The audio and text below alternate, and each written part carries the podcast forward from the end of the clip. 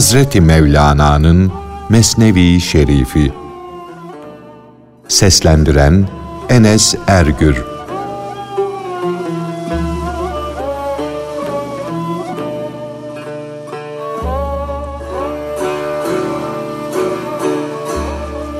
Topraktan yaratılan Adem bilgi ile yüceldi.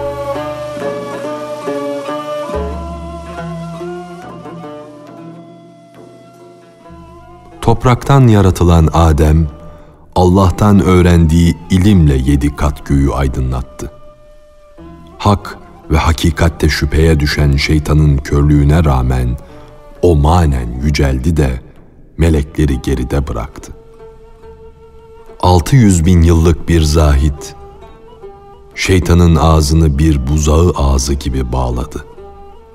Böylece onun din bilgisi sütünü emmesine, o yüce ve sağlam köşkün etrafında dönüp dolaşmasına engel oldu. Ledün ilminden, o yüce ilimden süt emmesinler, nasip almasınlar diye yalnız zahire itibar eden duygu ehlinin bilgileri kendilerine ağız bağı olmuştur. Şu bir damlacık gönüle öyle bir inci düştü ki Allah o inciyi denizlere de göklere de vermedi. O incinin bilgini ve adalet sahibi olmak birer manevi vasıftır. Onları bir yerde bulamazsın. Onlar önde, artta da değildir. Onlar ötelerde, mekansızlık aleminde parıldarlar. Oradan ten alemine düşerler. Can güneşi gökyüzüne sığmaz ki. Bu bilgi, bu hüner yüzündendir ki, denizlerde, dağlarda, ovalarda bulunan bütün yaratıklar insana karşı aciz kaldılar. Çaresiz hale düştüler. Kaplan da, arslan da insandan fare gibi korkar. Timsah da onun yüzünden coşmuş, köpürmüş denizde.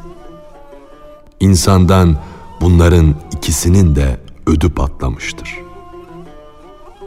Yine insan korkusundandır ki cinler, periler sahillere sığınmışlar, her biri bir gizli yere saklanmışlardır. Bu yüzden insanoğlunun gizli düşmanı çoktur. Durumu anlayarak çekingen ve ihtiyatla hareket eden kişi akıllı kişidir. Allah'ın bizim nazarımızdan gizli tuttuğu nice çirkin, güzel mahlukatı vardır ki onlar her an gönül kapısını çalar dururlar. Yıkanmak için dereye girersen su içindeki dikenin sana zararı dokunur. Her ne kadar diken aşağılarda suyun dibinde gizlenmiştir, görülmemektedir ama batınca suda diken olduğunu anlarsın. İçimize doğan, bizi rahatsız eden şeytani düşünceler, hayaller, vesveseler kalbimize batan görünmez dikenlerdir. Bu dikenler bir kişiden değil, binlerce kişiden gelip kalbimize batmaktadır. Sabret, hislerin değişsin, gönül gözün açılsın da onları gör.'' Gör de müşkillerin hallolsun. O vakit kimlerin sözlerini dinlememiş, kimleri kendine baş edinmiş, yol gösterici sanmışsın, anlarsın.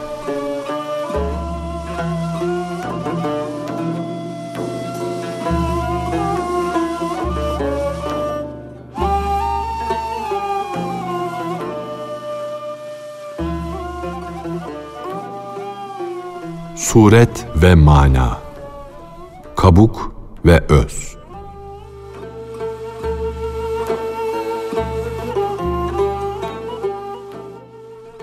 Ey şekle, surete tapan, git de manayı elde etmeye çalış. Çünkü mana suretin kanadı gibidir. Mana ehli ile düş kalk da onlardan hem lütuflar ihsanlar elde et, hem de manevi güç kazan, ilahi muhabbetle genç ve dinç kal. Şu ten içinde bulunan ruh, manadan, aşktan habersiz ise, o kın içindeki tahta kılıç gibidir. O tahta kılıç, kınında bulundukça, görünüşte kıymetli, işe yarar sanılır. Dışarı çıkınca ancak yanmaya yarar. Tahta kılıçla sakın savaşa gitme. Önce onu bir gözden geçir. Onun ne olduğunu anla ki işin ağlayıp inlemeye varmasın. Eğer o tahtadan ise git başka bir kılıç ara. Eğer elmastan ise sevinerek, oynayarak ileri atıl. Elmas kılıç velilerin silahlığındandır. Onları görmek size kimyadır, manevi güçtür. Bütün bilgi sahiplerinin, ariflerin hepsi de alemlere rahmet olan gerçek bir bilgin vardır demişlerdir. Nar alacak isen, gülen, çatlamış nar al ki, o gülüş sana içindeki danelerden haber versin. Arif'in gülüşü ne mübarek gülüştür ki, o gülüş can kutusundaki inci gibi ağızdan gönlü gösterir. Mukallidin, sahte şeyhin gülüşü, lalenin gülüşü gibi uğursuzdur. Ağzını açınca içinin siyahlığı görünür. Gülenler bağı bahçeyi de güldürür. Ariflerin sohbeti seni de arifler arasına katar. Sen kas katı bir taş veya mermer parçası olsan, bir gönül sahibine erişebilirsen cevher olursun. Temiz erlerin sevgisini gönlüne yerleştir. Ariflerin muhabbetinden başka bir şeye gönül verme. Ümitsizlik tarafına gitme. Ümit kapıları vardır. Karanlıklar semtine varma. Güneşler parlamaktadır. Gönül seni gönül ehlinin, ariflerin mahallesine doğru çeker. Ten ise seni su ve çamur hapsine koymak ister. Aklını başına al da bir gönül arkadaşının sohbetiyle gönlüne gıda ver. Git, ikbali, manevi gücü bir ermişten, bir ikbal sahibinden iste. Ey surete, şekle tapan kişi! Ne zamana kadar surete tapıp duracaksın? Senin manasız canın suretten kurtulmadı gitti. Eğer insan şekli ile, sureti ile insan olsaydı, Hz. Ahmet sallallahu aleyhi ve sellem Efendimizle Ebu Cehil bir olurdu. Aralarında fark olmazdı. Duvara yapılan adam resmi de adama benzer. Dikkatle bakarsan görürsün ki onun hiçbir eksiği yoktur. O parlak resimde can yoktur. Sen git de o az bulunur inciyi ara.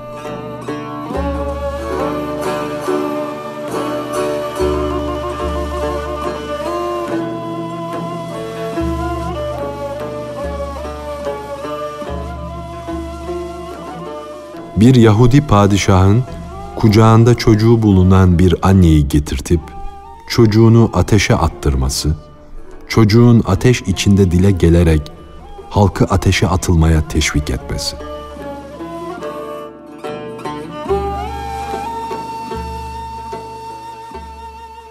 Yahudi padişahı kucağında çocuğu bulunan bir kadını putun önüne getirtti. Ateş alev alev yanıyordu. Çocuğu anasının kucağından aldı, ateşin içine attı. Kadın korkusundan imandan çıkacak gibi oldu. Puta secde etmek istedi. Tam bu sırada çocuk ateşin içinden "Anne, ben ölmedim diye seslendi. Sen de buraya gel. Anneciğim, gerçi ben görünüşte ateş içindeyim ama burada iyiyim, hoşum. Bu ateş hakikati örten, göstermeyen bir göz bağıdır. Aslında bu ateş mana yakasından başını çıkaran bir rahmettir, bir lütuftur. Anne, korkma, ateşe atıl, ateşe gir de hakkın iyiliğini, ihsanını gör. Has kullarının zevk ve safasını seyret. Su gibi görünen fakat aslında yakıcı bir ateş alimi olan şu dünyadan çık da ateşe benzeyen, ateş gibi görünen suya dal. Anne korkma. Ateşe gir de ateş içinde yaseminler, güller, serviler bulunan Hazreti İbrahim'in sırlarını gör. Ben de senden doğmayı ölüm sanmıştım. Senden ayrılacağım diye pek çok korkmuştum. Fakat doğunca pis, daracık bir zindandan kurtuldum. Günün ışığına çıktım. Havası hoş, rengi güzel bir dünyaya geldim. Şimdi de şu ateş içinde rahatı, huzuru bulunca dünyayı bir ana rahmi gibi yaşanılmaz bir yer olarak görmekteyim. Bu ateşin içinde öyle bir alem gördüm ki her zerresinde İsa nefesi var. Her zerresi bir ölü diriltebilir. Ateş içinde gördüğüm dünya şekil, suret itibariyle yok. Fakat kendisi ve hakikati var. Halbuki içinde bulunduğumuz var gibi görünen dünyanın şekli ise sebatsız, bir kararda durmaz. Anne, annelik hakkı için gel. Ateşe gir de bu ateşte ateşlik, yakıcılık olmadığını gör. Anne, gel, ateşe gir. Devlet, saadet geldi. Gel, ateşe gir de devleti, saadeti elden kaçırma.'' Ben sana acıyorum da o yüzden seni ateşe çağırıyorum. Yoksa neşemden seni düşünmeye vaktim yok. Anne, gir ateşe, başkalarını da çağır. Çünkü Allah ateş içinde nimet sofrası kurmuştur. Ey Müslümanlar, hepiniz gelin, ateşe girin. İman zevkinden başka her şey azaptan ibarettir.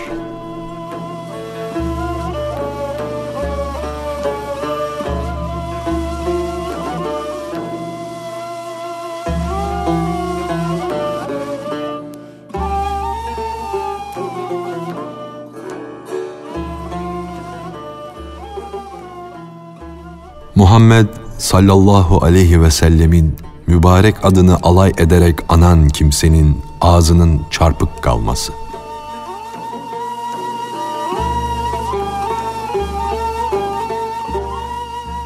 Birisi Peygamber Efendimizin mübarek adını alay ile ağzına eğerek söyledi de bu yüzden o kötü niyetli kişinin ağzı çarpıldı ve öyle kaldı. Sonra yaptığından utandı, pişman oldu da Ey ilahi bilgilere, ledün ilminin lütuflarına mazhar olan Muhammed, beni affet diye yalvardı. Ben bilgisizliğim yüzünden seninle alay ettim. Halbuki asıl alay edilecek kişi benmişim. Allah birisinin perdesini yırtmak, aybını ortaya dökmek isterse, onun gönlüne temiz kişileri kınama isteği verir. Allah bir kimsenin de aybını örtmek isterse, o kişi nefs yüzünden kirlenmiş, günahlara, ayıplara bulanmış insanların bile ayıplarını görmez, söylemez olur. Allah bize yardım etmek dilerse, gönlümüze yalvarma, ağlayıp inleme isteği verir.'' Allah aşkıyla ağlayan göz ne mutlu gözdür. Allah aşkıyla tutuşup yanan gönül ne mübarek bir gönüldür. Her ağlamanın sonu gülmektir. Bu sebepledir ki her hadisenin sonunu gören kişi mutlu ve kutlu bir kuldur. Nerede akarsu varsa orada yeşillik vardır. Nerede gözyaşı dökülürse oraya rahmet gelir, merhamet olur. Bostan dolabı gibi inleyerek gözlerinden yaşlar saç da can bağında yeşillikler bitsin. Gözyaşı istiyorsan gözü yaşlı olanlara acı. Acınmak, merhamete kavuşmak arzu ediyorsan zayıflara, zavallılara merhamet et.''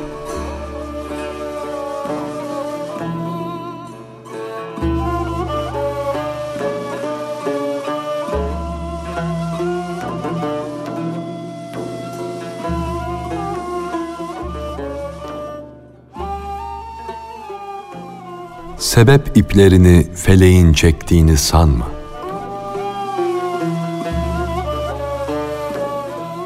Kederlendinse, kalbinde gam hissettinse, tevbe istiğfar et. Allah'tan bağışlanmanı dile. Çünkü gam Allah'ın izniyle gelir. Yaptığı işi Allah'ın emriyle yapar. Allah dilerse, gamın ta kendisi neşe olur. Ayak bağının ta kendisi de azatlık kesilir, hürriye sebep olur. Her şeyin aslı sayılan dört unsur, hava, toprak, ateş, su, bunlar birer emir kuludur. Bunlar bana karşı, sana karşı ölüdür. Fakat hakla diridirler.'' Ateş hakkın huzurunda daima ayakta emir beklemektedir. Aşık gibi gece gündüz alevleriyle kıvranıp durmaktadır. Çakmak taşını demire vurduğun zaman çıkan kıvılcım senin vuruşunla değil, Allah'ın emriyle dışarı ayak basmaktadır. Ey Allah'ın iyi kulu! Taşla demir kıvılcımın doğmasına, meydana gelmesine sebeptir ama sen daha yukarısına, bunun da üstünde olan sebebe bak. Çünkü Allah bu sebebi başka bir sebepten meydana getirmiştir. Hakiki bir sebep olmadıkça zahiri bir sebep kendiliğinden nasıl ortaya çıkar? Peygamberlere yol gösteren hakiki manevi sebepler ise bu zahiri sebeplerden çok üstündür.'' Bu sebebi iş görür hale getiren o sebeptir. Bazen de o hakiki sebep zahiri sebebi iş gördürmez hale sokar. Bu zahiri sebeplere akıllar mahremdir. Hakiki sebeplerin mahremi ise peygamberlerdir. Şu Arapça olan sebep kelimesinin Farsça karşılığı resen olup bunun Türkçesi de iptir. Bu sebepler ipi bu dünya kuyusunda işe yarar. Kuyu çıkrığının dönüşü ipin sarılıp çözülmesine sebeptir. Ama asıl çıkrığı döndüreni görmemek kötü bir şeydir. Dünyadaki şu sebep iplerini sakın ha sakın şu başı dönmüş felekten bilme. Bilme de felek gibi eli boş, başı dönmüş bir halde kalma. Özsüzlükten çıra gibi yanma. Gerekirse hakkın emriyle rüzgar ateş olur.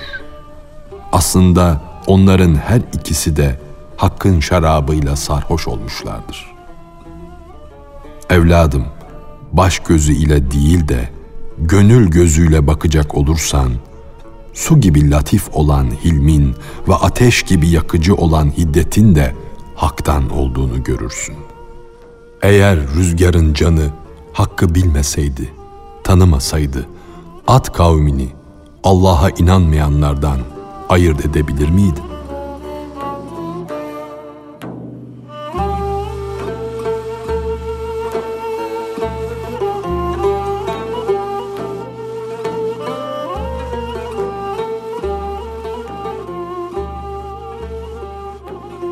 Hud aleyhisselam zamanında at kavmini helak eden rüzgarın hikayesi.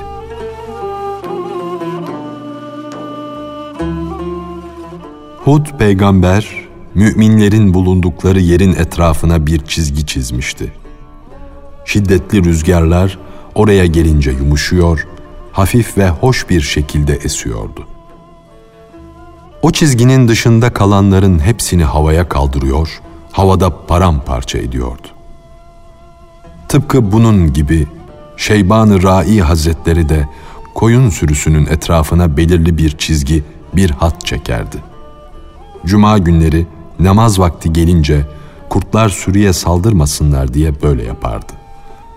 Hiçbir kurt o çizgiden içeri girmezdi, hiçbir koyun da çizgiden dışarı çıkmazdı. Allah adamının çizdiği çizgi, kurdun da, koyunun da hırsını, hevasını bağlamıştı. Böylece ecel rüzgarı da ariflere Yusuf aleyhisselamın gömleğinin kokusu yahut gül bahçesinden gelen rüzgar gibi yumuşak, güzel eser. Ateş İbrahim aleyhisselama diş geçiremedi. Çünkü o Hakk'ın sevgilisi, seçkin kuluydu. Onu nasıl ısırabilirdi? Din ehli de şehvet ateşiyle yanmaz. Din ehli olmayanları ise o ateş alır, ta yerin dibine götürür. Allah'ın emriyle kabaran deniz dalgaları Hz. Musa'nın adamlarını tanıdı, Kıptilerden ayırt etti. Hakkın fermanı gelince yer, Karun'u altınları ve tahtı ile beraber aldı, içine çekti, yuttu. Su ile toprak İsa aleyhisselamın nefesinden feyz alınca kol kanat açtı, bir kuş olup uçtu. Senin hakkı tesbih edişin aslında sudan ve topraktan yaratılmış vücudunun bir buharı, bir nefesidir. Ancak bu nefes gönülden gelince cennet kuşu gibi kanatlanır, yükselir. Tur Dağı Musa aleyhisselamın nurundan aşka geldi, oynamaya başladı. Olgun bir sufi oldu, hatadan, noksandan kurtuldu. Dağın aziz bir sufi olup oynaması şaşılacak bir şey değildir. Musa'nın teni de aslında Tur Dağı gibi toprak değil miydi?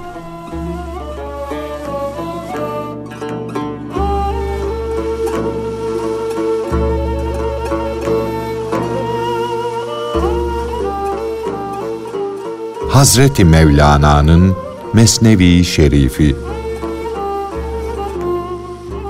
Seslendiren Enes Ergür